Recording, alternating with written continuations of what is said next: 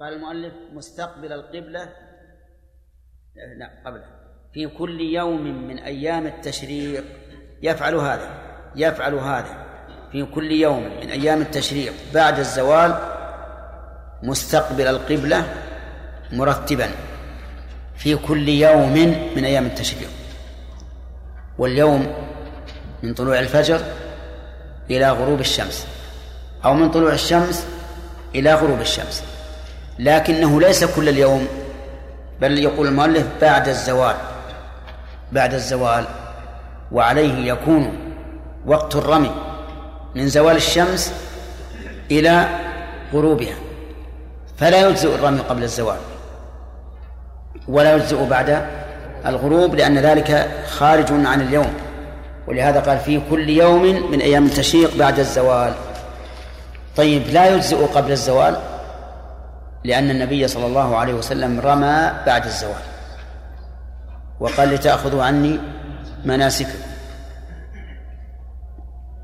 ولأنه لو كان الرمي قبل الزوال جائزا لفعله النبي صلى الله عليه وآله وسلم. لما فيه من فعل العبادة في أول وقتها من وجه ولما فيه من التيسير على العباد من وجه وجه آخر. ولما فيه من تطويل الوقت من وجه ثالث. فلما كان الرسول صلى الله عليه وسلم يتعمد أن يؤخر حتى تزول الشمس مع أنه أشق على الناس دل هذا على أنه قبل الزوال لا يجزي. ويدل لذلك أيضا أن الرسول صلى الله عليه وآله وسلم من حين أن تزول الشمس يبادر فيرمي قبل أن يصلي الظهر. وكأنه كأنه يترقب بفارغ الصبر زوال الشمس ليرمي ثم يصلي الظهر. وهذا هو القول الراجح. ولو كان الرمي قبل الزوال جائزا لفعله النبي عليه الصلاة والسلام بيانا للجواز أو ليسر الله من يفعله من الصحابة ويقره النبي صلى الله عليه وسلم على ذلك. إذن الرمي قبل الزوال في الأيام الثلاثة أيام التشريق لا يصح. بعد غروب الشمس أيضا لا لا يجزئ على المشهور من المذهب لأنها عبادة نهارية. عبادة نهارية فلا تجزئ في الليل. وذهب بعض العلماء إلى إجزاء الرمي ليلا. وقال إنه لا دليل على التحديد بالغروب لأن النبي صلى الله عليه وآله وسلم حدد أوله بفعله ولم يحد آخره. وقد سئل الرسول عليه الصلاة والسلام كما في صحيح البخاري أن رجلا قال يا رسول الله رميت بعد ما أمسيت قال لا حرج. والمساء يكون في آخر النهار وفي أول الليل. ولما لم يستفصل الرسول عليه الصلاة والسلام لم يقل بعدما أمسيت في آخر النهار أو في أول الليل علم أن الأمر واسع في هذا. ثم إنه لا لا غرابة أن يكون الليل تابعا للنهار. فها هو الوقوف بعرفة ركن من أركان الحج والليل فيه تابع للنهار. فإن وقت الوقوف يمتد إلى طلوع الفجر. ولهذا نرى أنه إذا كان لا يتيسر على الإنسان أو لا يتيسر للإنسان أن يرمي في النهار فله أن يرمي في الليل. وإذا كان يتيسر لكن مع الأذى والمشقة وأنه في النهار في الليل يكون أريح له وأكثر طمأنينة فإنه يرمي في الليل. لأن لأن الفضل المتعلق بذات العبادة أولى بالمراعاة من المتعلق بزمن العبادة. وما دام ما دام أنه ليس هناك دليل صحيح صريح يحدد آخر وقت الرمي فالأصل عدم ذلك. ولا ينبغي أن نلزم الناس بأن يرموا كلهم. وهم مليون رجل يرمون كلهم في خلال ست ساعات. يعني لو فرضنا أن أن من الزوال إلى غروب الشمس ست ساعات وذلك في وقت الاعتدال الربيعي أو الخريفي. اقسم ست ساعات على مليون نفر. كم معدل الذين يرمون في كل ساعة؟ ها؟ اثنين وستين ألف. مئة وستين ألف؟ سبحان الله. مئة وستين ألف في الساعة. هذا صعب. صعب. هذا إذا إذا قلنا أنهم مليون فكيف هم أكثر من ذلك؟ ولهذا كان من من من أحسن ما فعلوا ما فعلت أو أظن هيئة كبار العلماء من أحسن ما فعلوا أنهم أصدروا فتوى بأنه لا بأس من الرمي في الليل في هذه الأزمنة وأن النفس مطمئنة والصدر منشرح للفتوى بذلك. يقول رحمه الله مستقبل القبلة مرتبا. ما معنى الترتيب؟ أن يبدأ بالحصاة الأولى قبل الثانية؟ هذا ليس هذا المراد. لأن لا بد أن يرمي الحصاة الأولى قبل الثانية. المراد الترتيب بين هذه الجمرات. بأن يرمي الأولى ثم الوسطى ثم العقبة فإن نكس ورمى العقبة ثم الوسطى ثم الأولى. صحت الأولى فقط. ووجب عليه أن يرمي الثانية والثالثة. وقال بعض أهل العلم إن الترتيب ليس بشرط ولكنه ندب. وقال إن هذا ليس أو ليس أولى من عدم الترتيب في أنساك يوم العيد. وأنساك يوم العيد كما كما مر علينا لا يشترط فيها الترتيب. أليس كذلك؟ قال هذا من باب أولى. ألا يشترط. وعارضه آخرون فقالوا ليس الأمر كذلك. فإن اشتراط الترتيب هنا أولى من اشتراطه في أنساك العيد لأن هذا عبادة واحدة. بخلاف أنساك يوم العيد فإنها عبادات متنوعة. أما هذه فهي عبادة واحدة فلا بد أن تفعل كما ورد عن النبي صلى الله عليه وآله وسلم. ولكن ما دام الإنسان في الساعة فلا شك أن نقول إنه يجب عليك الترتيب وأنه لو سألنا في أيام التشريق فقال إنه رمى منكسا لسهل علينا أن نقول اذهب وارمي مرتبا. لكن إذا كان الأمر قد فات قد فات أيام التشريق وجاء يسأل. فقال إني رميت من غير أن أعلم بدأت بجمرة العقبة وأنا رأيت أن جمرة العقبة ترمى يوم العيد دون الجمرتين الأخريين وهذا يدل على أنها أفضل منهما. والقاعدة الشرعية وسيقيس في مقابلة النص. القاعدة الشرعية أن الأفضل نعم يبدأ به. فأنا رأيت أن هذا هو الصواب وفعلت كل أيام التشريق في هذه الحال نرجو أن لا يكون هناك بأس بإفتائه بأن رميه صحيح. لأنه ليس من ليس هناك قول عن الرسول عليه الصلاة والسلام يقول رتبوا بينها. وليس هناك إلا مجرد الفعل وعموم لتأخذوا عني مناسككم.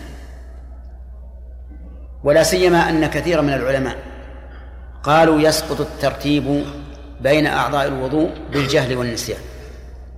وقالوا يسقط الترتيب بين الفوائد التي تفوت الإنسان بالجهل والنسيان. وقالوا يسقط الترتيب بين الصلاتين المجموعتين بالجهل. فهذا يدل على أنه إذا فات إذا إذا اختل الترتيب لعذر من الأعذار فإنه يسقط عن الإنسان لأنه فعل العبادة أتى بالعبادة لكن على وجه غير مرتب. فإذا جاءنا إنسان وقد مضت أيام التشريق وقال إنه كان يرمي في أيام التشريق منكسا فلا فأرجو أن لا يكون هناك بأس بإفتائه بأن رميه صحيح وأنه لا يجب عليه ما يجب على من ترك الرمي. فإن رماه كله في اليوم الثالث أجزأه ويرتبه بنيته. إن رماه الضمير يعود على الحصى حصى الجمار كله في اليوم الثالث. الثالث أو الرابع الثالث لأن المؤلف يتكلم عن الرمي أيام التشريق. إن رماه كله أجزأه. ولكن إن رماه كله أجزأه ولكن يقول يرتبه بنيته. يرتب الأيام بنيته. فمثلا يبدأ برمي أول يوم بالأولى ثم الوسطى ثم العقبة ثم يعود فيرمي لليوم الثاني بالأولى ثم الوسطى ثم العقبة ثم يعود فيرمي للثالث يبدأ بالأولى ثم الوسطى ثم العقبة.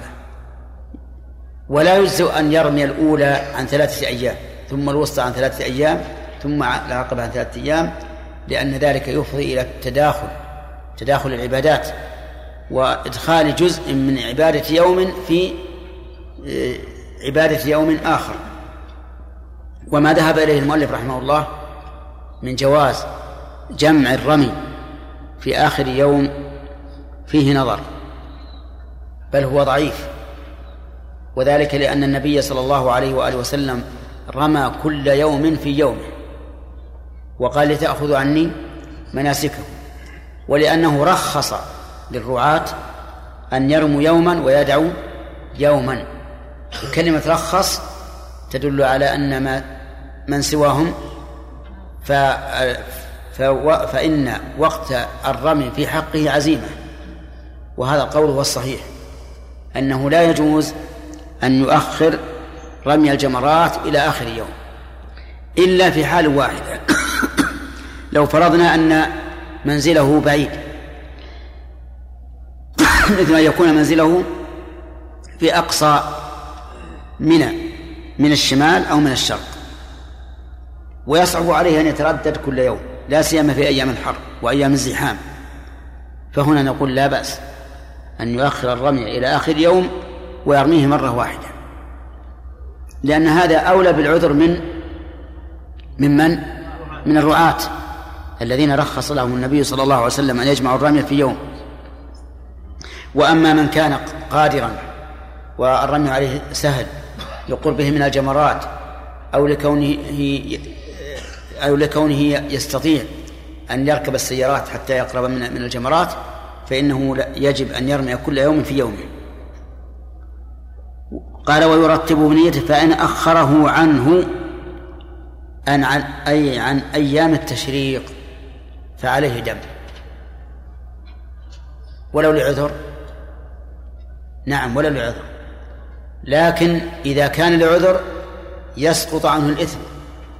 وأما جبره بالدم فلا بد منه.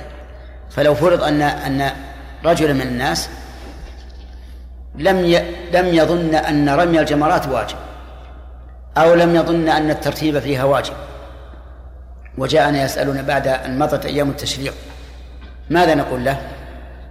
نقول على ما مشى عليه المؤلف يجب عليك دم. يجب عليك دم. فإذا قال أنا جاهل قلنا نعم أنت جاهل ولكن ويسقط عنك الإثم عنك الإثم. لكن هذا العمل الذي فاتك بجهلك له بدل وهو الدم. فيجب عليك أن تذبح فدية توزعها على الفقراء في مكة. قال أو لم يبت بها. يعني لم يبت بها الضمير يعود على منى. لم يبت بها ليلتين. إن تعجل أو ثلاث ليال إن تأخر فعليه دم. والدم إذا أطلق فهو ما يجزئ في الأضحية بأن يكون من بهيمة العام وقد تم له السن المعتبر شرعا وسلم من العيوب المانعة من الإجزاء. وقول المؤلف أو لم يبت بها علم منه أنه لو ترك ليلة من الليالي فإنه ليس عليه دم وهو كذلك.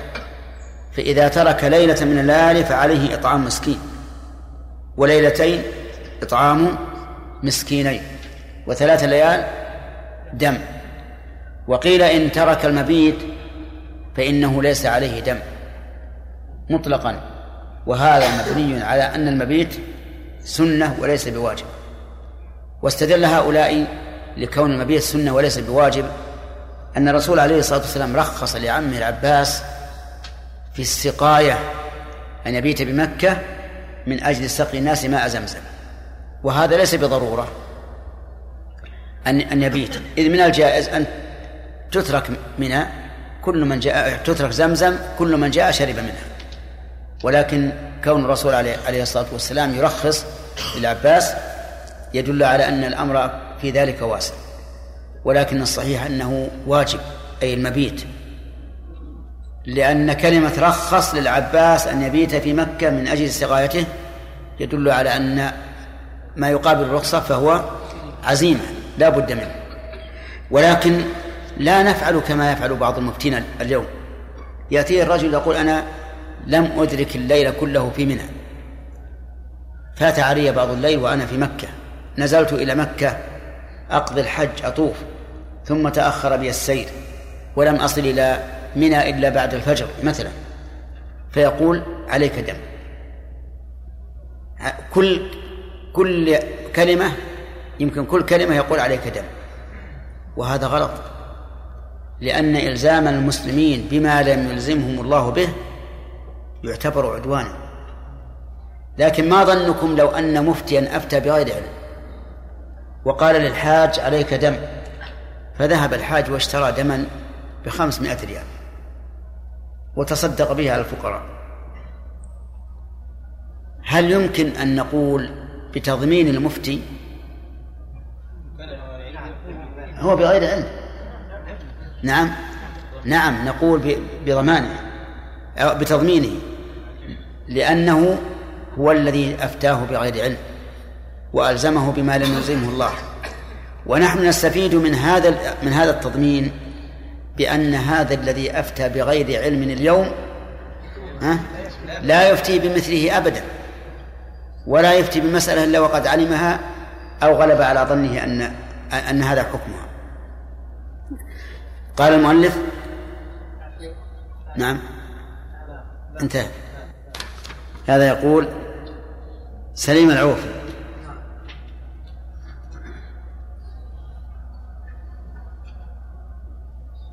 أكثر الناس ينسب السعي بين الصفا والمروة آه، للاقتداء بأم إسماعيل. وأن هذه الأمة كذا؟ أو الأمة. وأن هذه الأمة تتابعها تتابع أفعال رسول الله صلى الله عليه وسلم. فما رأي فضلتكم إيش كذا وش الإشكال في هذا؟ الإشكال أن الناس ينسبون كل السعي والسعي بين العالمين كل لهم إسماعيل أي هذا الرسول صلى الله عليه وسلم هذا يخلون لا لا. على كل حال فعل الرسول هو الأصل. يعني نحن بالنسبة لنا نتبع الرسول عليه الصلاة والسلام. لكن أصل المشروعية هو ما جرى لأم إسماعيل. ولهذا قال النبي عليه الصلاة والسلام نفسه قال ومن فمن أجل ذلك سعى الناس. من أجل ذلك سعى الناس. طيب. اقرأ لنا. بسم الله الرحمن الرحيم. الحمد لله رب العالمين والصلاة والسلام وصحبه أجمعين. قال المؤلف رحمه الله تعالى ومن تعجل في يومين خرج قبل الغروب وإلا لزمه المبيت والرمي من الغد. فإذا أراد الخروج من مكة من مكة لم يخرج حتى يطوف للوداع. فإن أقام أو فإن أقام أو اتجر بعده أعاده وإن تركه غير حائض رجع إليه فإن شق أو لم يرجع فعليه دم وإن أخر طواف الزيارة فطافه عند الخروج أجزأ عن الوداع ويقف غير الحائض بين ويقف غير الحائض بين الركن والباب داعيا بما ورد وتقف الحائض ببابه وتدعو بالدعاء وتستحب زيارة قبر النبي صلى الله عليه وسلم وقبر وقبر صاحبيه. محمد وعلى آله وأصحابه ومن تبعهم بإحسان إلى يوم الدين. سبقنا في الدرس الماضي ما يفعله الإنسان في يوم العيد وأنه خمسة أنساك وأنها مرتبة كالتالي الرمي النحر الحلق أو التقصير الطواف السعي. وأنه لو قدم بعضها على بعض فلا حرج. لأن النبي صلى الله عليه وآله وسلم سئل عن التقديم والتأخير فقال لا حرج. وسبق لنا أن أنه إذا طاف وسعى ثم فإنه يرجع إلى منى ويبيت بها ليلتين إن تعجل وثلاثا إن تأخر. وفي هذه الأيام يرمي الجمرات الثلاث بعد الزوال يرمي الأولى ثم الوسطى ثم العقبة ويقف بين الأولى والوسطى وبين الوسطى والعقبة ولا يقف بعد العقبة. وإذن العقبة ليس بعدها وقوف لا في يوم النحر ولا في أيام التشريق. طيب وسبق لنا أنه يكبر مع كل حصاة. عند الرمي يقول الله أكبر بدون بسملة. وسبق أنه يجب ترتيب ترتيب هذه الجمرات. الأولى ثم الوسطى ثم العقبة. قال المؤلف رحمه الله فإن رماه كله في الثالث أجزأه. أظن أخذنا هذا نعم. وسبق لنا أن أن المذهب أنه يجوز تأخير الرمي إلى آخر يوم ولكن يجب أن يرتبه بنيته. الثلاث عن اليوم الأول والثلاث عن اليوم الثاني والثلاث عن اليوم الثالث إن تأخر.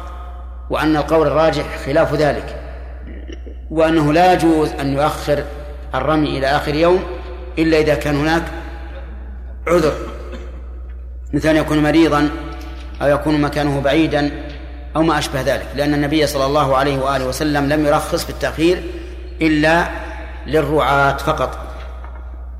قال المؤلف رحمه الله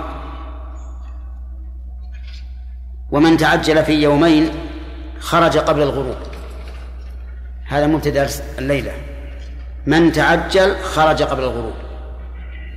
وقول المؤلف في يومين المراد باليومين الحادي عشر الحادي عشر والثاني عشر.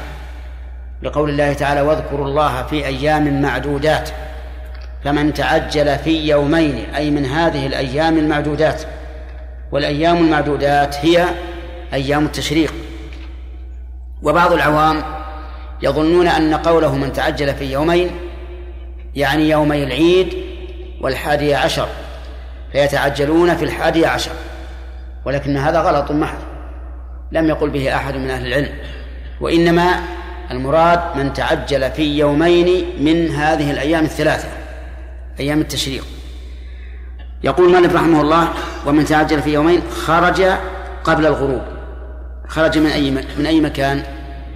من منى قبل أن تغرب الشمس وذلك ليصدق عليه أنه خرج في اليومين. إذ لو أخر الخروج إلى ما بعد الغروب لم يكن تعجل في يومين لأن اليومين قد فاتا. إذن لابد أن يخرج قبل غروب الشمس. وإلا لزمه المبيت والرمي من الغد.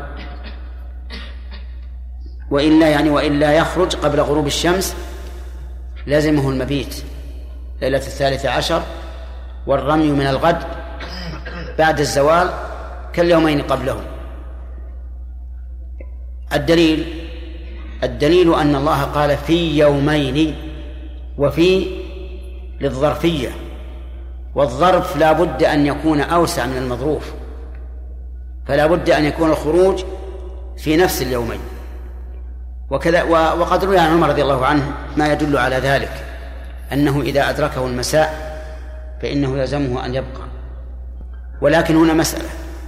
لو أن الجماعة قوضوا الخيام وحملوا العفش ولكن وركبوا ركبوا ولكن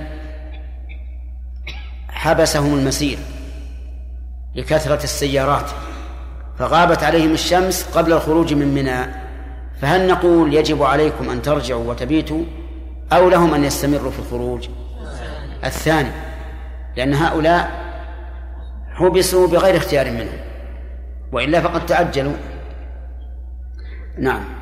قال فإذا أراد الخروج من مكة لم يخرج حتى يطوف للوداع.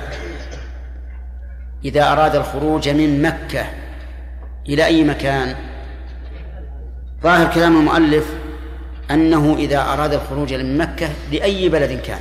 المهم أن يفارق مكة فإنه لا يخرج حتى يطوف للوداع. وصرح بعض الأصحاب ومنهم صاحب الغاية فيما أظن قال إذا أراد الخروج من مكة إلى بلده لم يخرج حتى يطوف للوداع. ووجه ذلك التقييد بالبلد أنه إذا أراد الخروج إلى بلد آخر فإنه لم يزل في سفر ولم يرجع. فمثلا لو كان في مكة وانتهى الحج ثم خرج إلى جدة وليس من أهل جدة أو خرج إلى الطائف وليس من أهل الطائف فإنه على هذا التقييد تقييد إذا خرج إذا رجع. نعم. تقييد أراد الخروج من مكة إلى بلده فإنه في هذا الحال لا يطوف للوداع لأنه لم يرد الخروج إلى بلده وهو في حكم المسافر لا لا زال مسافرا. وهذا التقييد تقييد حسن. والدليل على هذا أن الرسول عليه الصلاة والسلام لم يأمر أصحابه أن يطوفوا للوداع حين خرجوا من مكة إلى المشاعر. وإن كان قد يقال إن الرسول لم يأمرهم بذلك لأنهم لم يتموا نسكهم حتى يلزموا بالوداع. على كل حال يظهر أنه أن هذا التقييد أصح من الإطلاق. ولكن لو أن الإنسان عمل بالأمرين طاف إذا أراد الخروج من مكة إلى بلد آخر وإذا رجع إلى مكة طاف إذا أراد الخروج إلى بلده لكان خيرا. لكن إذا كان الأمر فيه مشقة أن يطوف مرتين فلا يظهر الإلزام بالطواف إذا أراد الخروج إلى غير بلده.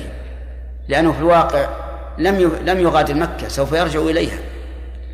أما لو أراد الخروج إلى بلد آخر عبر سفره إلى بلده فهنا يطوف كما لو أراد الخروج إلى بلده عن طريق المدينة فاتجه إلى المدينة وهو يريد السفر إلى إلى بلده.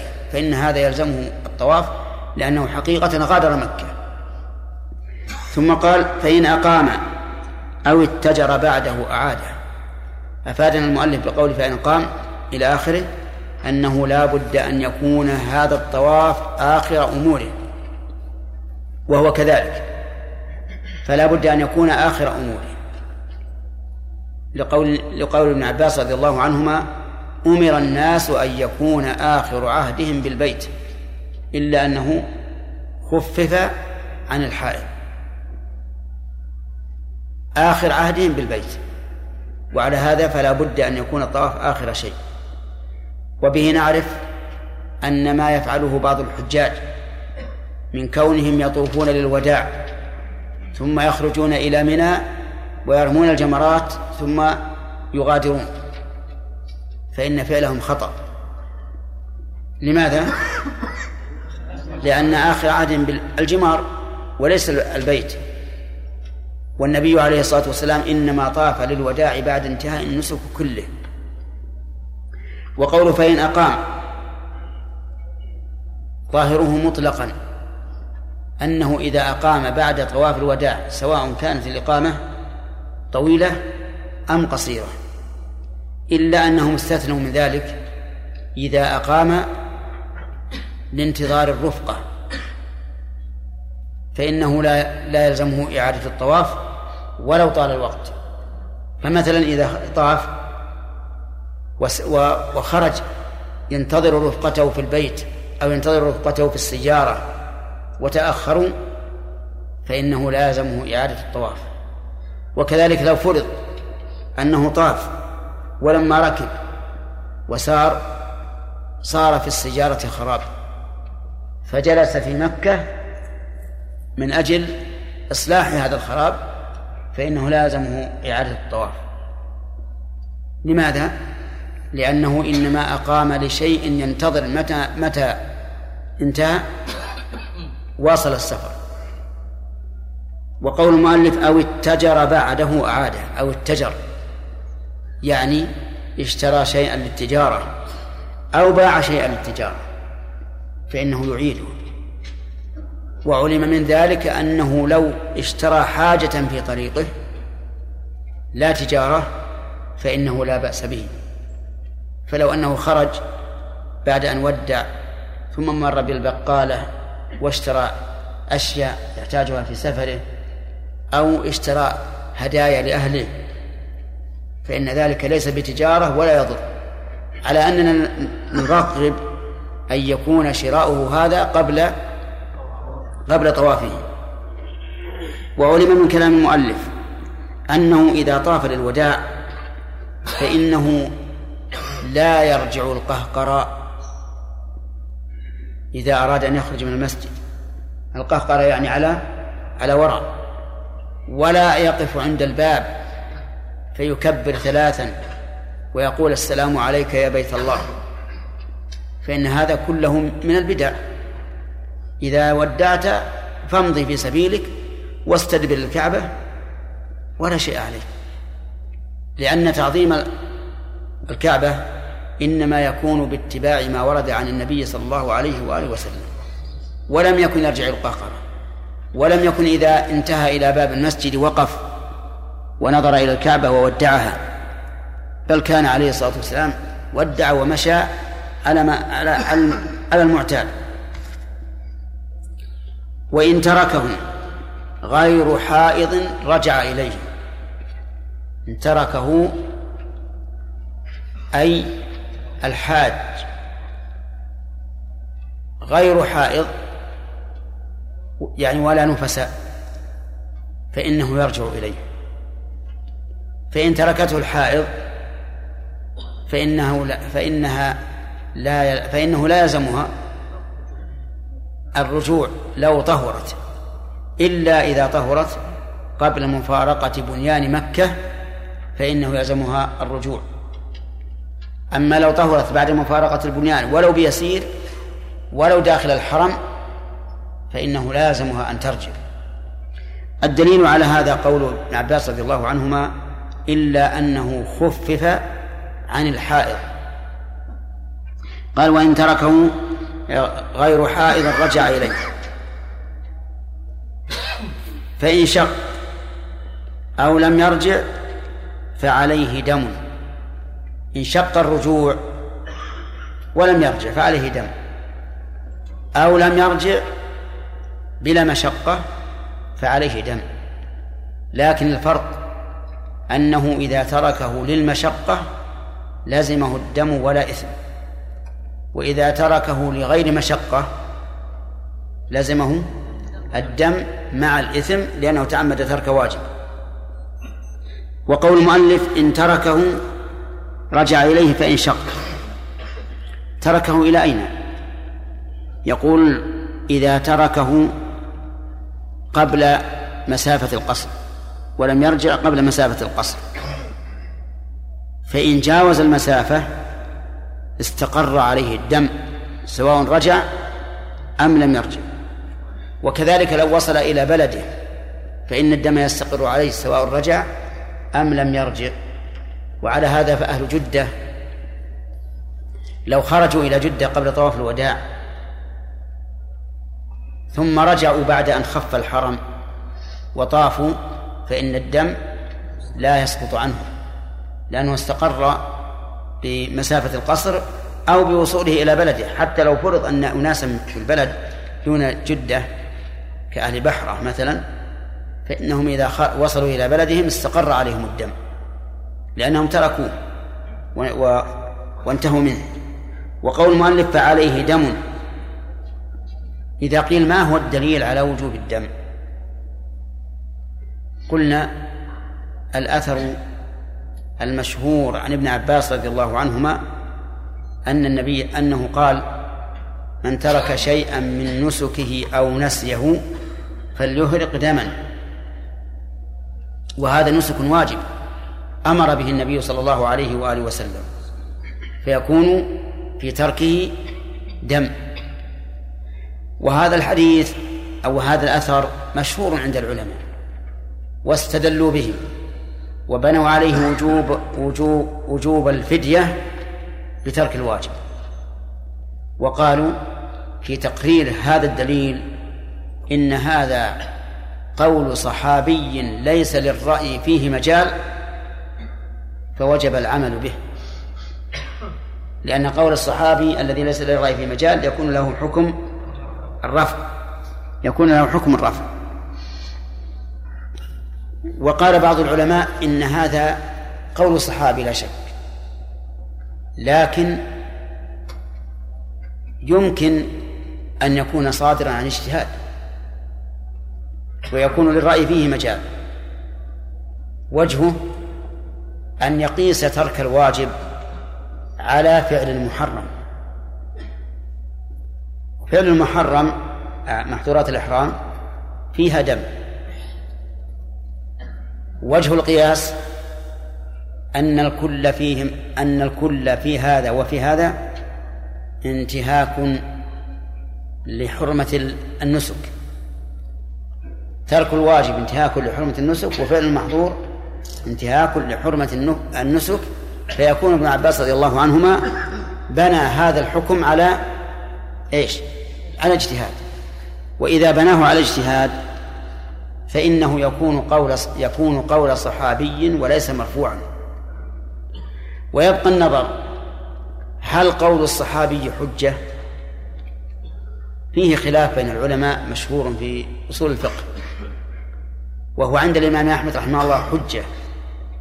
ما لم يخالف نصا أو قول صحابي. فإن خالف نصا فلا عبرة به العبرة بالنص.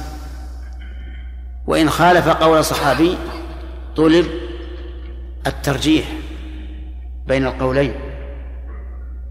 طيب إذن المسألة على هذا التقرير تكون من باب الاجتهاد. من باب الاجتهاد ونحن نفتي الناس بالدم وإن كان في النفس شيء من ذلك لكن من أجل الانضباط. انضباط الناس وحملهم على فعل المناسك الواجبة يكون بإلزامهم بهذا الشيء أي بالدم.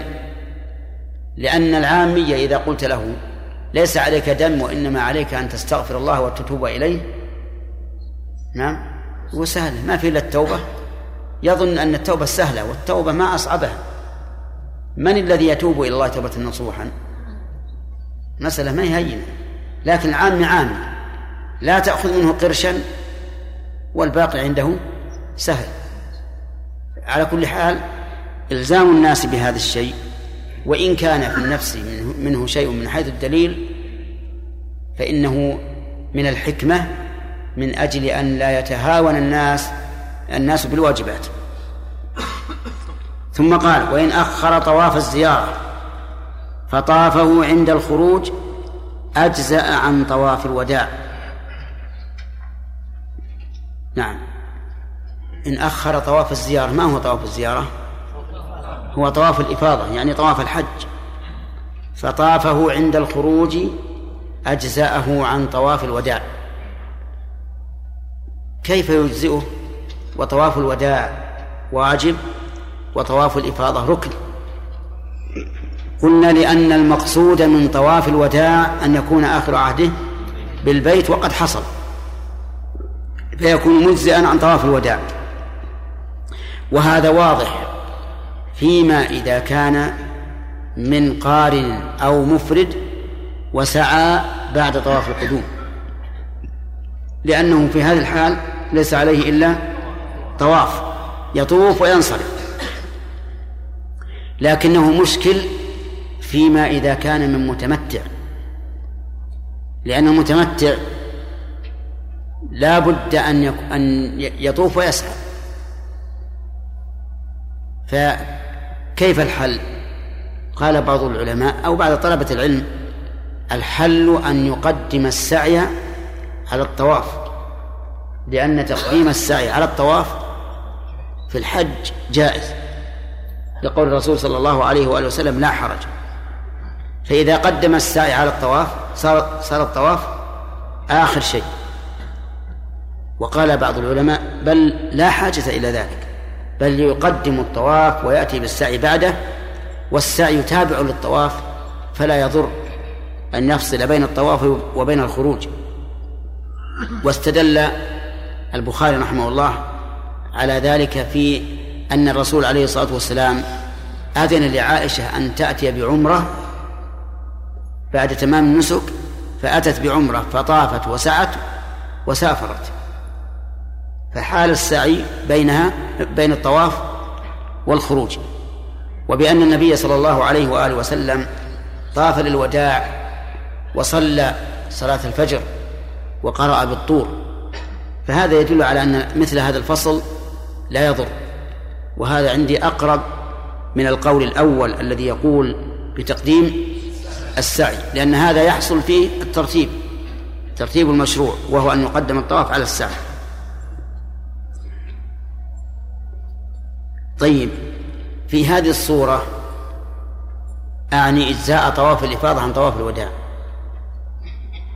ربما نقول لا تخلو من ثلاث حالات.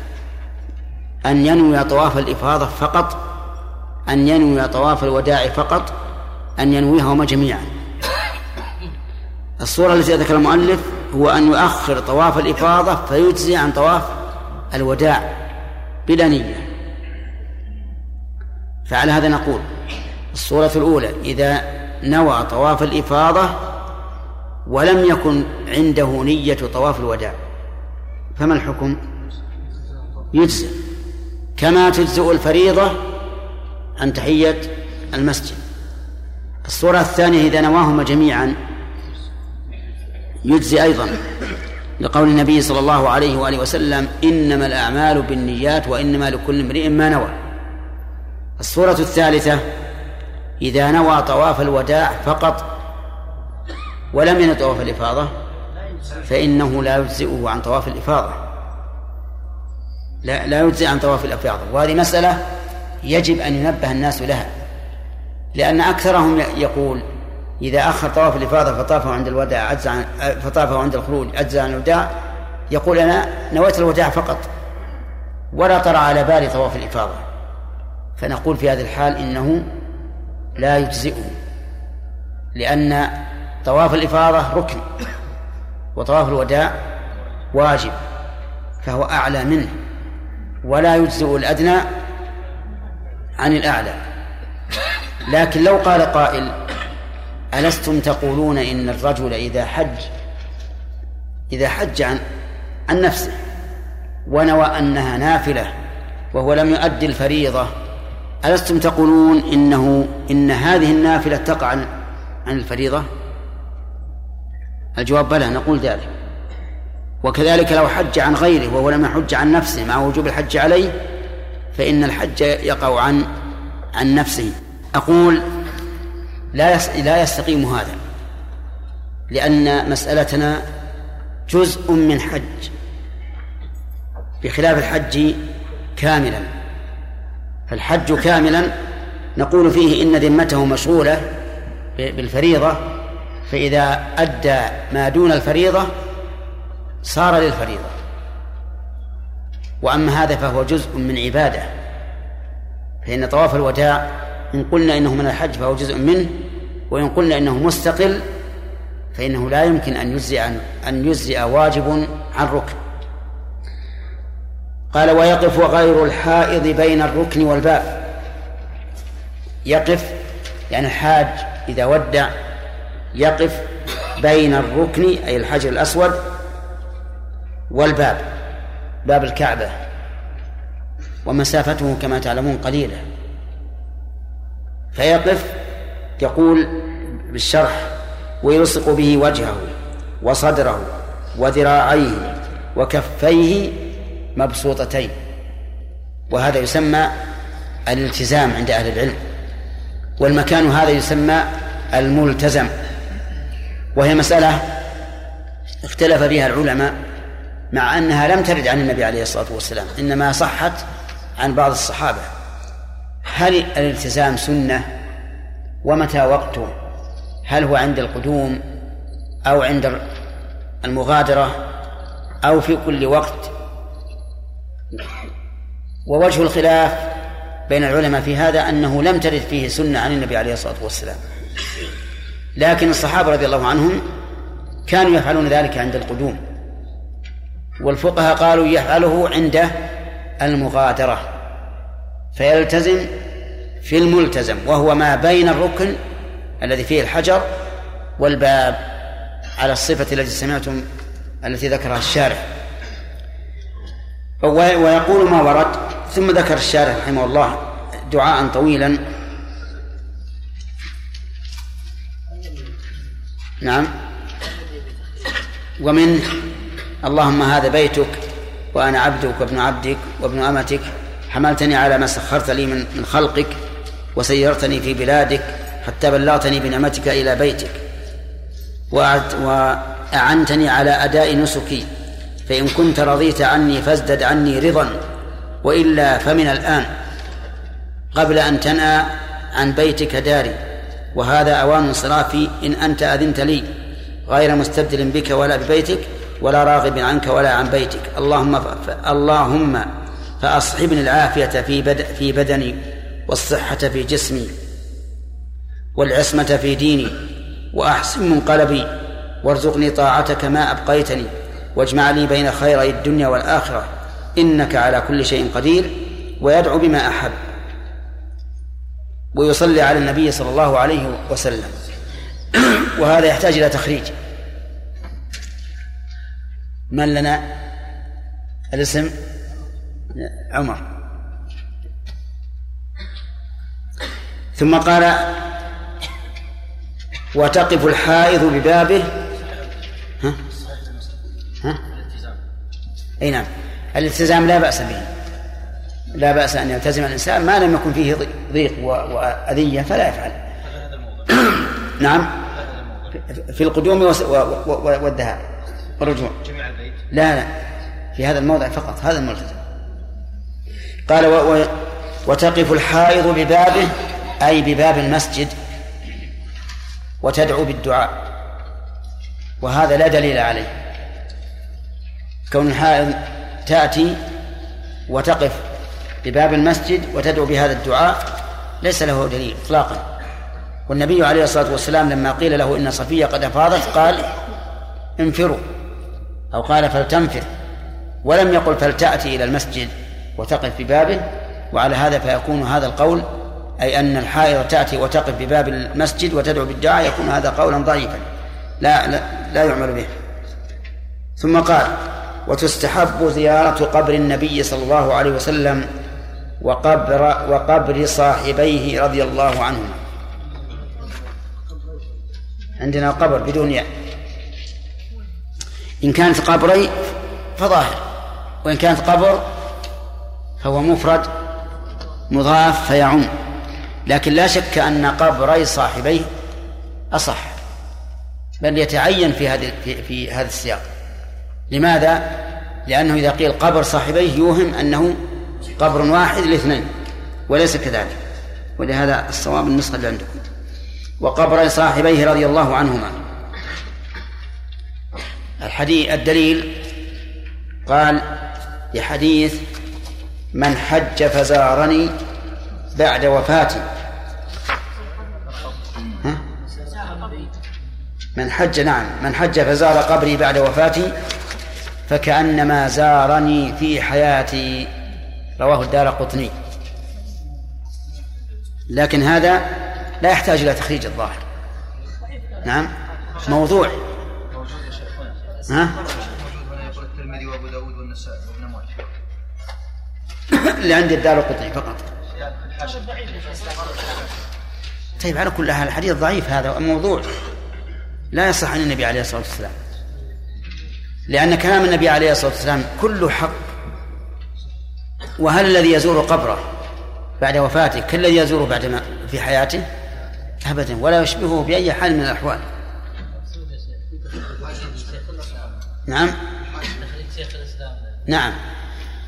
على كل حال هذا الحديث لا يصح. إذا ما هو الدليل على استحباب زيارة قبر النبي صلى الله عليه وسلم وقبر صاحبيه؟ الدليل عموم الأدلة الدالة على استحباب زيارة القبور. ولكن ظاهر كلام المؤلف رحمه الله أنه يشد الرحل إلى زيارة قبر النبي صلى الله عليه وآله وسلم وقبر صاحبيه. يعني أن الحاج إذا انتهى يشد الرحل إلى المدينة ليزور قبر النبي صلى الله عليه وسلم وقبر صاحبيه. وهذه المسألة اختلف فيها العلماء. فمنهم من قال إن شد الرحل إلى إلى القبور لا بأس به لأنه شد لعمل صالح. فالرسول أمر بزيارة القبور ولم ينهى عن شد الرحل لها بل قال زوروا القبور فإنها تذكر الآخرة. وخير قبور يشد لها الرحل قبر النبي صلى الله عليه وسلم وقبر صاحبيه. ومنهم من قال إنه مكروه شد الرحل لزيارة القبور. ومنهم من قال إنه محرم وهو الذي نصره شيخ الإسلام ابن تيمية رحمه الله وقرره بأدلة إذا طالعها الإنسان تبين أن ما ذهب إليه هو الحق. قال المؤلف وصفة العمرة أن يحرم بها من الميقات أو من أدنى الحل من مكي ونحوه لا من الحرم. صفة العمرة أن يحرم بها فهي إحرام وطواف وسعي وحلق أو تقصير. أربعة أشياء. الإحرام يقول أن يحرم بها من الميقات. إن مر به أو من محاذاته إن لم يمر به. أو مما دونه إن كان دون الميقات. المهم أن يحرم بها على حسب ما سبق في المواقيت.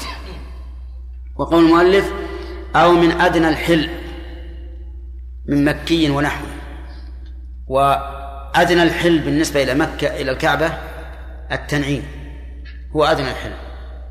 أما بالنسبة لمن أراد العمرة فقد يكون التنعيم وقد يكون غير التنعيم.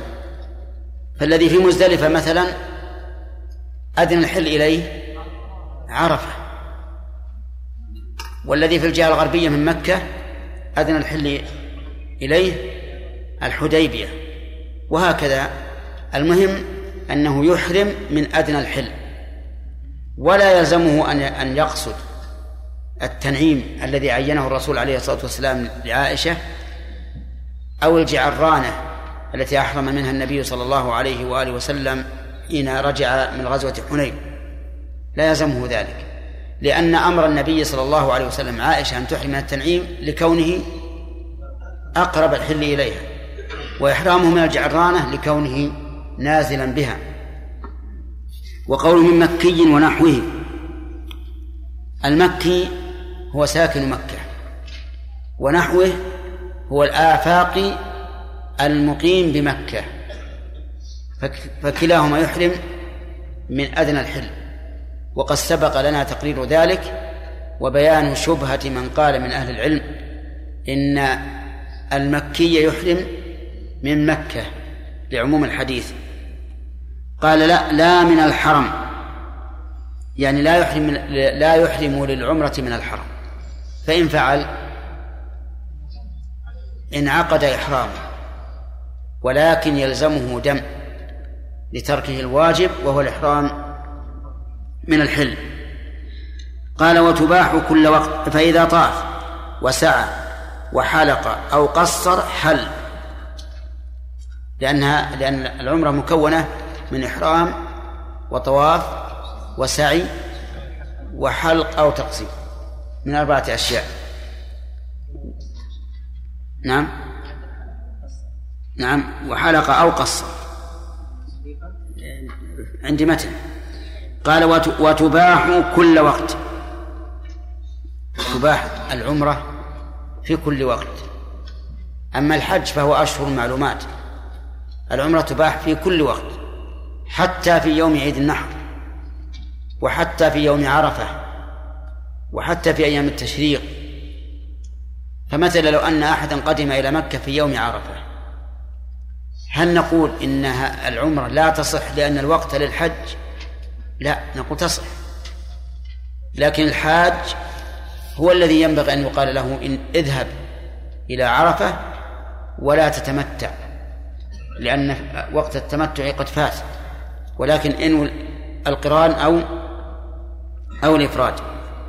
وقول المؤلف تباح كل وقت لم يذكر رحمه الله هل يسن أن يعتمر كل وقت أو في السنة مرة أو في الشهر مرة أو ماذا. ذكر شيخ الإسلام في الفتاوي رحمه الله اتفاق السلف على أنه يكره تكرارها أي تكرار العمرة. وقال الإمام أحمد لا يعتمر إلا إذا حمم رأسه. حمم يعني اسود. من الشعر. وبناء على هذا يكون ما يفعله العامة الآن من تكرار العمرة ولا سيما في رمضان كل يوم. إن لم يكن بعضهم في اليوم والليلة. في النهار عمرة وفي العمرة وفي وفي الليل عمرة. عندي يقول ويكره الإكثار والموالاة بينها باتفاق السلف قاله في المبدع لابن مفلح. وقاله أيضا شيخ الإسلام رحمه الله قبله إنه يكره. وأما قوله عليه الصلاة والسلام العمرة إلى العمرة كفارة لما بينهما فهو مطلق مقيد بما بعمل السلف رضوان الله عليهم. قال وتجزئ وتجزئ عن الفرض نعم. إي نعم. قال ويستحب تكرارها في رمضان لأنها تعجل حجة. هذا غلط. هذا ليس بصحيح. لأن كراهة السلف لتكرارها عام في رمضان وفي غيره. قال قال وتجزئ عن الفرض. ما الذي تجزئ عن الفرض؟ العمرة. تجزئ عن الفرض في أي وقت أداها عمرة المتمتع تجزئ عن الفرض. وعمرة القارن تجزئ عن الفرض لأن القارن أتى بعمرة وحج لقول النبي صلى الله عليه وآله وسلم لعائشة طوافك بالبيت وبالصفا والمروة يسعك لحجك وعمرتك. فأثبت النبي صلى الله عليه وسلم لها حجا وعمرة طيب لو جعل لو جعل القارن عمرته لشخص وحجه لآخر. يجزئ؟ قارن جعل عمرته لشخص وحجه لآخر. المتمتع. المتمتع جعل عمرته لشخص وحجه لآخر. المتمتع واضح أنه يجزي لأن العمرة منفصلة. والقارن القارن قال الفقهاء رحمهم الله إنه يجوز لأن القران وإن كان فعلا واحدا لكنه نسكان وإذا كان نسكين أجزى أن يجعلهما أن يجعل واحدا منهما عن شخص والآخر عن شخص آخر. نعم يحيى؟ نعم. والله أنا أميل إلى أنه لا ينبغي أن يجعل أن يجعل العمر لشخص والحج لآخر لكن لو فعل لا أقول أنه حرام لأن لأن الرسول أثبت أنهما نسكان نعم يحيى. النبي عليه الصلاة والسلام قال الحج يهدم ما كان قبله نعم. وقال من أتى هذا البيت فلم ولم رجع في نعم.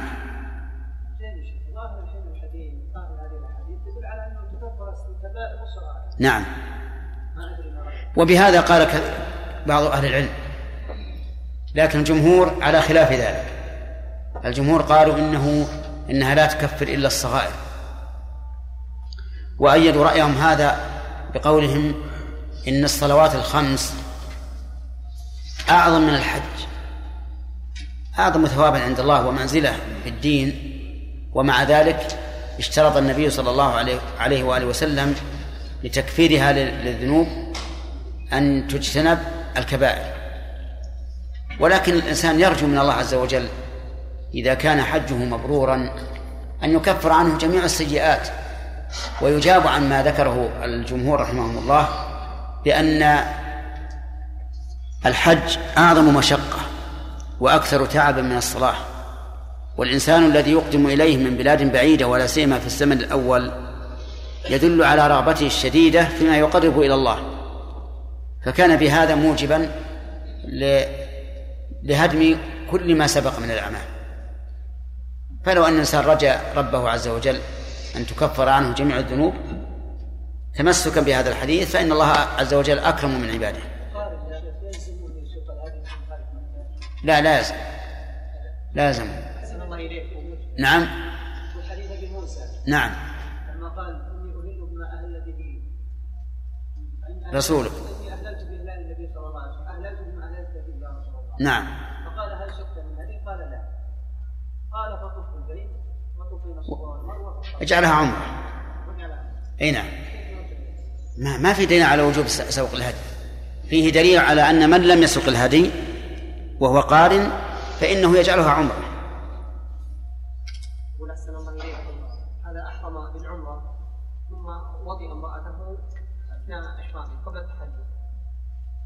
ما الذي يجب عليه؟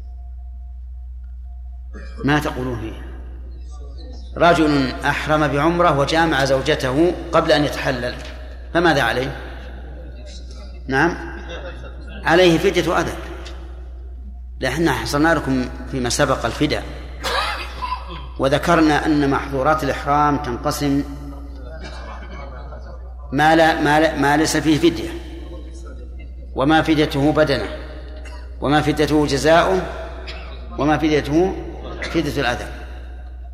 وهذا الحصر الذي ذكرناه سابقا اعتمده لأجل أن لا يشكل عليك شيء. نعم.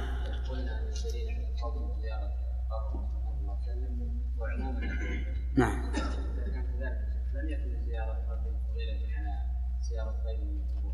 نعم. وهو كذلك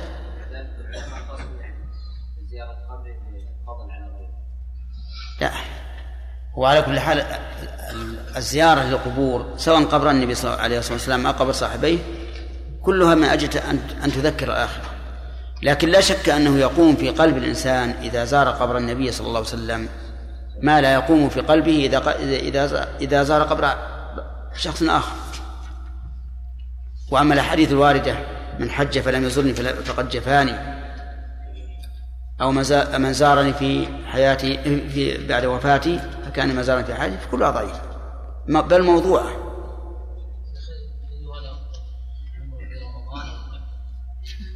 أو في أشهر الحج يعني. في أشهر الحج عموما. هذا يقول أيما أفضل العمرة في رمضان أو في أشهر الحج؟ تردد ابن القيم رحمه الله في ذلك.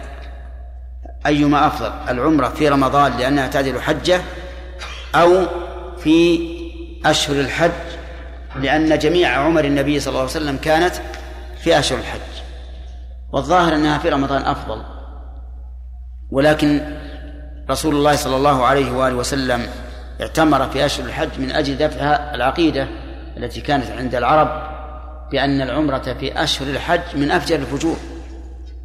ويقولون إذا عفى الأثر وبرأ الدبر ودخل شهر صفر حلت العمرة لمن اعتمر. ولا قبل حرام في في مذهبه.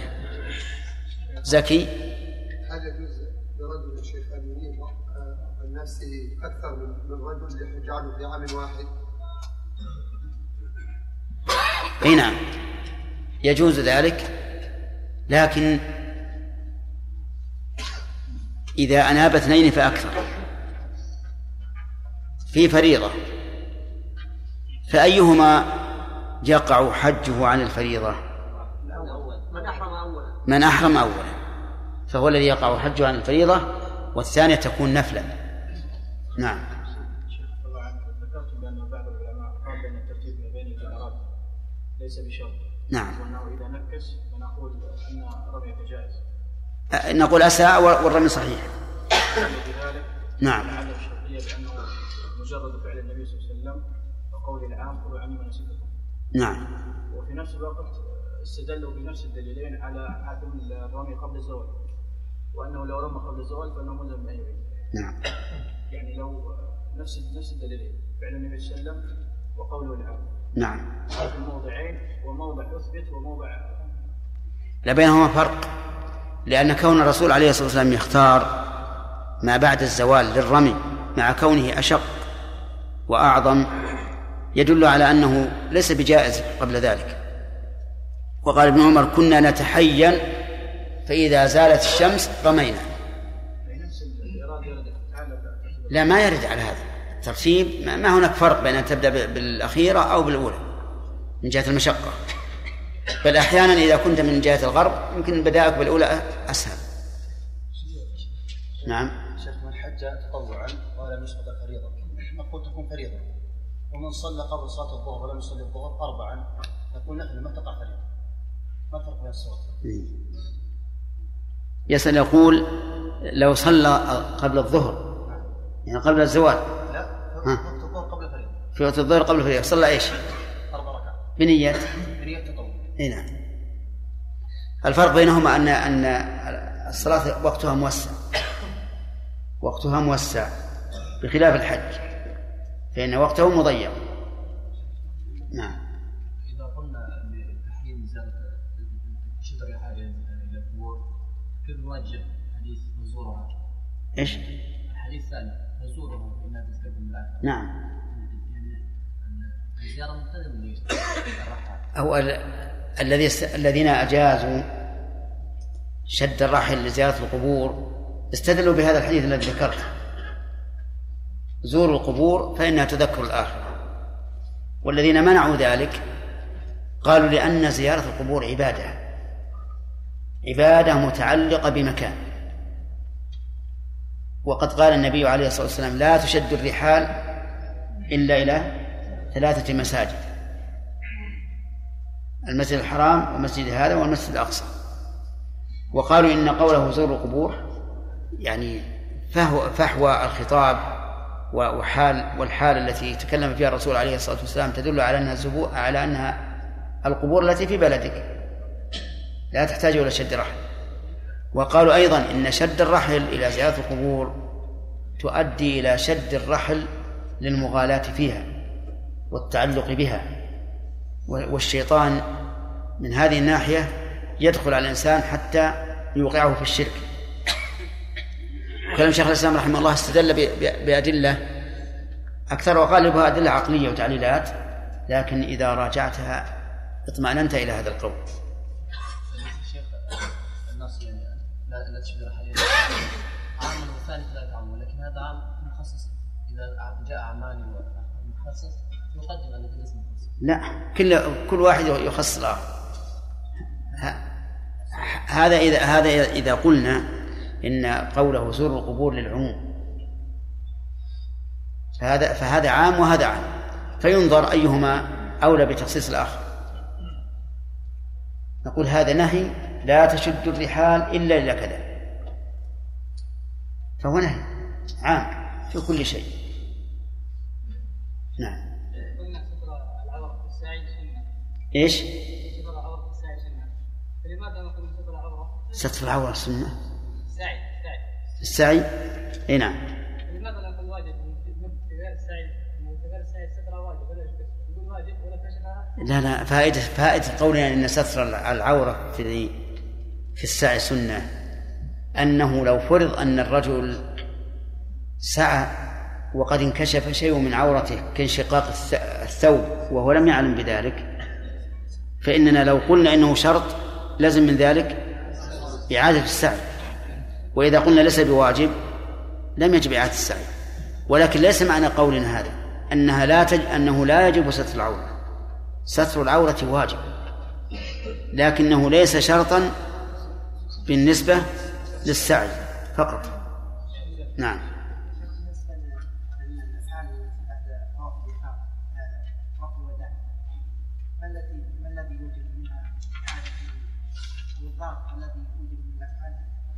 إي نعم.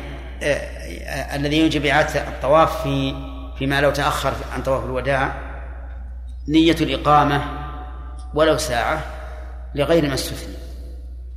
مثل انتظار الرفقة الاتجار مطلقا حتى ولو كنت في طريقك تمشي مع صاحبك واشتريت منه شيء للتجارة فإنك تعيد. هذه هذه نعم.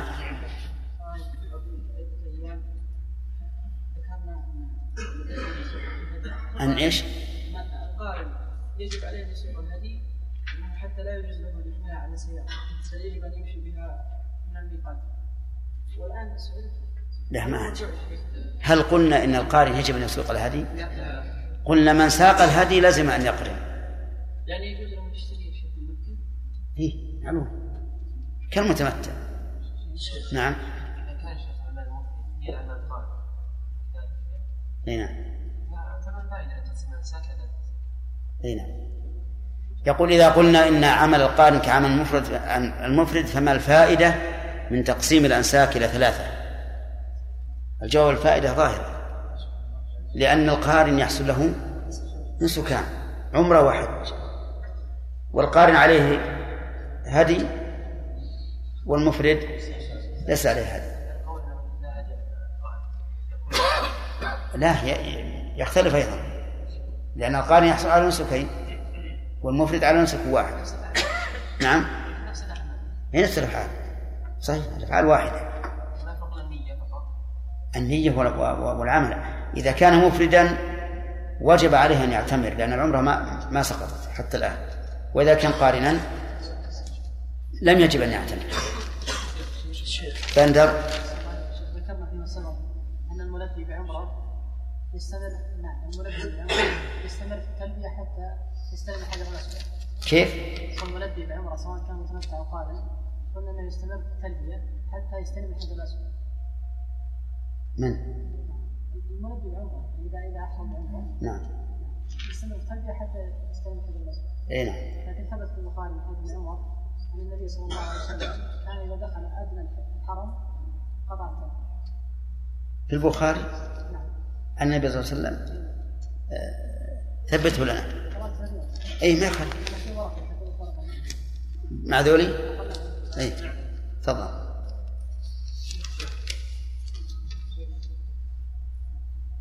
آه، بأن المتمتع يقضي التلبية إذا شرع في الطواف. لكن ثبت في صحيح البخاري من حديث نافع عن ابن عمر أن أن الرسول صلى الله عليه وسلم كان يلبي حتى إذا دخل أدنى الحرم أمسك عن التلبية وثبت هذا من فعل ابن عمر رضي الله عنه كما في حديث عبيد بن حنين عنه أنه إذا وصل أدنى بيوت مكة قطع التلبية.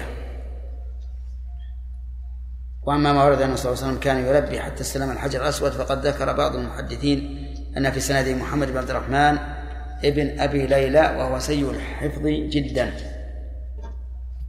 على كل حال يكون معتمد أنه إذا وصل إلى أدنى الحرم فإنه يمسك عن التلبية. لأنه إذا ثبت عن الرسول ما ما ما بعده. نعم. يا شيخ إنه كان لا يقطع التلبية يعني هذا إذا كان في حج. شو لم يكن قارنا نعم. القارن ما يقطع التلبية إلا إذا كان إذا شرع في في الرمي. وكذلك المفرد. وكذلك المتمتع.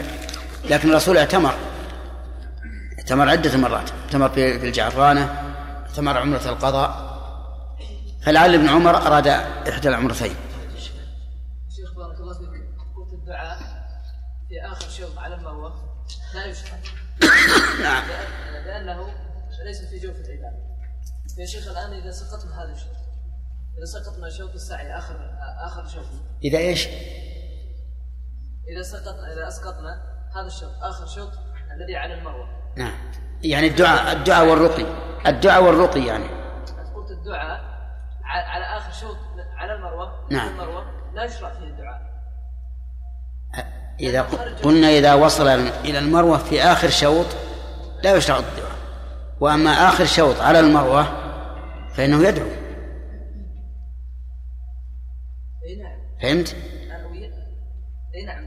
معاك يا إيه؟ يعني إذا وصل للمروة نفسها. يعني مثلا آخر آخر شوط وصل إلى المروة.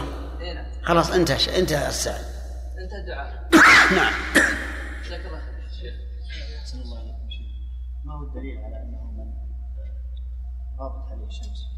يلزم عن الاعتبار يلزم الرجوع إلى منى والجلوس المبيت. ما هو الرجوع إلى منى إذا إذا خرج لا يلزمه الرجوع. يقول ما هو الدليل على أنه إذا غربت الشمس وهو في منى لزمه البقاء إلى اليوم الثالث عشر. ذكرنا الدليل. وذكرنا أيضا فيه اثرا عن عمر رضي الله عنه أنه من أدركه المساء فإنه يجب عليه المبيت. نعم. ذكرتم أنه في العقبة ورمي الجمار أيام منها نعم. تابع النهار نعم. بأن يوم صح الوقوف فيها ليلا أنه تابع نعم. هذا إذا تبع النهار نقول دل دل دل الحديث على أن منتهى جواز الدفع من منى هو ما كان في نفس اليومين وأما ما بعد الغروب فهو خارج عن اليومين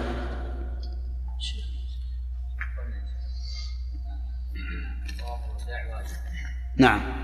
والدليل على هذا حديث عباس حتى نعم. الطواف نعم. لا في حديث آه، أمر الناس أن يكون آخر عهدهم بالبيت الطواف هذا الطواف صح في حديث في رواية أبي داود. للحديث نفسه. نعم. إذا إيش؟ نعم. ولم يدفع إلى عرفه الا قبيل الغروب بساعه هل يجمع فهل هل يجمع بين العصر والظهر في لا يجمع بينهما. لأن الفائدة من الجمع هو أن. على ما قال العلماء أن يتسع الوقت للدعاء وهو, وهو في مكان ليس فيه دعاء في نميرة. الدعاء إنما يكون في عرفة وهذا لم يصل إليها. نعم رشاد؟ أحسن الله لكن ذكرتم أن أنه الوداع زخرف الوداع ولم يكن طواف الزيارة. نعم. نعم. إذا نوى طواف الوداع. نعم. فرق في الدروس السابقة. نعم. لا يلزمه تجديد النية عند كل الواجبات أو الأركان. نعم. كيف الجمع؟ الجمع واضح. لأن هذا نوى خلاف نوى خلاف ما أرى ما يريد ما يراد به النسك يعني هو لم يطف فقط وسكت. لو أنه طاف ولا ولا ولم ولا ولم يعين أنه للوداع. أجزأ انتهى الوقت انتهى الوقت؟ عندي بعد أوراق ما نأخذ الأوراق نشوف طيب يقول في رمي الجمرات وق- وقت وقت أول التشريع. ثبت أنه بسبب رمي إبراهيم الشيطان عن ابن عباس موقوفا ورجاله ثقات في مجمع الزوائد عن أبي الطفيل. هل هو صحيح؟ يعني يقول إن سبب رمي الجمرات هو أن إبراهيم رمى الشيطان عن ابن عباس. نعم. تقدم لنا أن ابن عباس رضي الله عنهما ممن عرف بالأخذ عن بني إسرائيل. ومثل هذا الخبر لا يدخله الاجتهاد. وعلى هذا فيكون من أخبار بني إسرائيل فلا يكون له حكم الرفع نعم. لا بد أن تصححنا يا شيخ يحيى. طيب يقول آخر الزمان يصير يعير الرجل بدينه كما تعير الزانية بزناها وفي الوقت الحاضر نرى الواقع كما ذكر حتى إن بعض الدول يضيقون على الرجل على رجل الدين الذي لا يعرف لا سلم العوفي لا يعرف الا بالسنه إيش لا؟ السنة لا إيش؟ لا يعرف إلا بفعل السنة لا يعرف لا ما السنة. لا يعرف يمكن فيهم أو عليهم إلا اتباع السنة. نرجو نرجو نرجو إيضاح إيضاح. العبارة وما يترتب عليه من المفاسد. ها؟ اي لك وش هذه؟ وش يا سليم؟ وش لا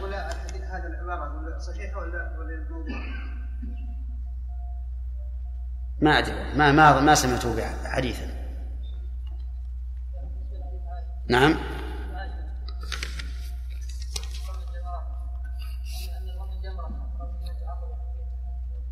يكون إيش؟ إي نعم. على كل حال الحديث اللي انت الحديثين اللي ذكرت يدل على أن التحلل الأول يحصل بالرمي فقط. هذا أخذنا تلبية. نعم. والله إلى الآن ما بعد يعني تقرر عندي الرجحان لكن أنا أقول لكم إذا ثبت الحديث عن الرسول عليه الصلاة والسلام فهو العمدة لا شك. فيه راجح ومرجوح.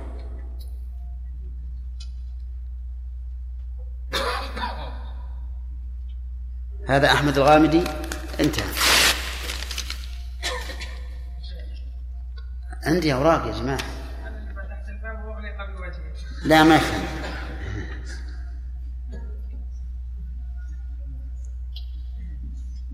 هذا ما ذكر اسمه. تنبيه وليس بسؤال. نعم. لا باقي باقي ما شاء الله. الجعبة فيها. ها؟ نصيبك بيني وبينك إن شاء الله.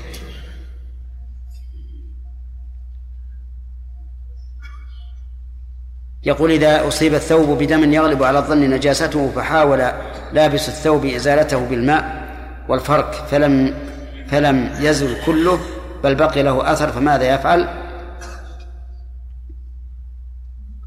فماذا يفعل؟ هذا فريد ظاهر أنه طلع طلع فريد فماذا يفعل؟ على كل حال الدم إذا كان يغلب على الظن نجاسته ولم يتيقن فإنه لا يلزمه الغسل لأن لابد من اليقين. وإذا تيقن أنه دم نجس وغسله فإنه لا يضره بقاء اللون. إذا زالت عين النجاسة طهر. هذا يقول طويل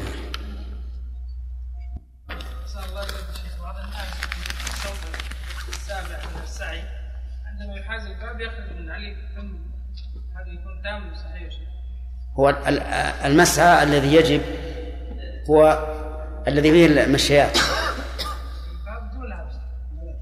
لا فوقها. الباب فوقها. الباب فوقها تم السابع خرج مع الباب أي بس مثل ما أقول لك لا. لأن الباب تصوري الآن إن الباب يعني ما تقدمها كثيرا ولا تاخر عنها كثيرا. تقريبا هي تكون في نصفها أو قريبا منه. فليلاحظ هذا الشيء. والرمي والحلاق والوداع والباقي سنن وأركان العمرة إحرام وطواف وسعي وواجباتها الحلاق والإحرام من ميقاتها فمن ترك الإحرام لم ينعقد نسكه. فمن ترك الإحرام لم ينعقد نسكه. ومن ترك ركنا ومن ترك ركنا غيره. ومن ترك ركنا غيره أو نية أو نيته لم يتم نسكه إلا به ومن ترك واجبا فعليه دم أو سنة فلا شيء عليه. بسم الله الرحمن الرحيم الحمد لله رب العالمين. صلى الله وسلم على نبينا محمد وعلى آله وأصحابه ومن تبعهم بإحسان إلى يوم الدين. قال المؤلف وأركان الحج وواجباته وأركان العمرة وواجباتها. وقد سبق في أول المناسك شروط الحج شروط وجوبه وشروط صحته وشروط إجزائه. وقد اعترض بعض الناس على هذا التقسيم على الشروط على الأركان على الواجبات على السنن. وقال أين هذا في كتاب الله أو في سنة رسول الله صلى الله عليه وآله وسلم؟ وإذا لم نجد ذلك في كتاب الله أو سنة رسوله فإن النبي صلى الله عليه وسلم قال من عمل عملا ليس عليه أمرنا فهو رد فيرد على صاحبه. والجواب عن ذلك أن يقال الأمور قسمان أمور غائية وأمور وسيلة. فأما الأمور الغائية التي هي غاية ومقصودة لذاتها فإنها لا تفعل إلا بإذن من الشرع ولا يمكن لأحد أن يشرعها أو يتعبد لله بها. والثاني أمور وسيلة يقصد بها الوصول إلى الغاية فهذه ليس لها حد شرعي بل لها قاعدة شرعية. وهي أن وسائل أن الوسائل لها أحكام المقاصد والوسائل تختلف باختلاف الأزمان واختلاف الأحوال واختلاف الأماكن واختلاف الأمم. وإذا كان كذلك فالوسائل بابها مفتوح. فالعلماء رحمهم الله رأوا أن من وسائل تقريب العلم إلى الأذهان وإلى الحصر أن يكتبوا مثل هذا أن يقولوا هذه شروط هذه أركان هذه واجبات هذه سنن. وقالوا إن الرسول عليه الصلاة والسلام قد فعل هذا المبدأ. فنجده أحيانا يقول ثلاثة لا يكلمهم الله سبعة يظلهم الله في ظله مع أنهم لا ينحصرون في سبعة ولا ينحصرون في ثلاثة لكن هذا من باب التقريب. تقريب العلم للأفهام. فيبقى النظر إذا قال هذا شرط أو هذا واجب فهنا يطالب بالدليل. يقال له من أين من أين لك أن هذا شرط وأن هذا واجب وأن هذا ركن وأن هذا سنة؟ هذا هو الذي يطالب فيه الإنسان بالدليل. أما تقسيم الأشياء إلى هذا وهذا وهذا تقريبا للأفهام فإنه من باب الوسائل. لو لو أردنا أن نسلك هذا المسلك لقلنا أيضا تقسيم العلم إلى توحيد وطهارة وصلاة وزكاة وصيام وحج وبيوع ورهان وما أشبه ذلك أيضا هذا بدعة. أين أين في السنة أنها قسمت هكذا أو أن الرسول صلى الله عليه وسلم قسمها؟ فيقال ينبغي للإنسان أن يكون فهمه واسعا وأن يعرف مقاصد الشريعة وأن لا يجعل الوسائل مقاصد فإنه بذلك يضل ويبدع أناسا كثيرين من أهل العلم المحققين. حينئذ نقول تقسيم العلم إلى أبواب ليس فيه بأس. تقسيم الأبواب إلى شروط وأركان وواجبات ومستحبات ليس به بأس. لأننا لسنا نتعبد لله بذلك ولكننا نريد أن نقرب إيش؟ أن نقرب العلم. كما كان الرسول عليه الصلاة والسلام يستعمل تقريب العلم لكن بأساليب مختلفة. يقول أركان الحج الإحرام. الأركان جمع ركن والركن هو جانب البيت الأقوى وهي التي تسمى عندنا بالزاوية. مثل هذه الزاوية ركن. هذا أقوى ما في الجدار هذا الركن. لماذا؟ لأن بعضه يسند بعضا. حيث يتلاقى طرف الجدار فيسند بعضهما بعض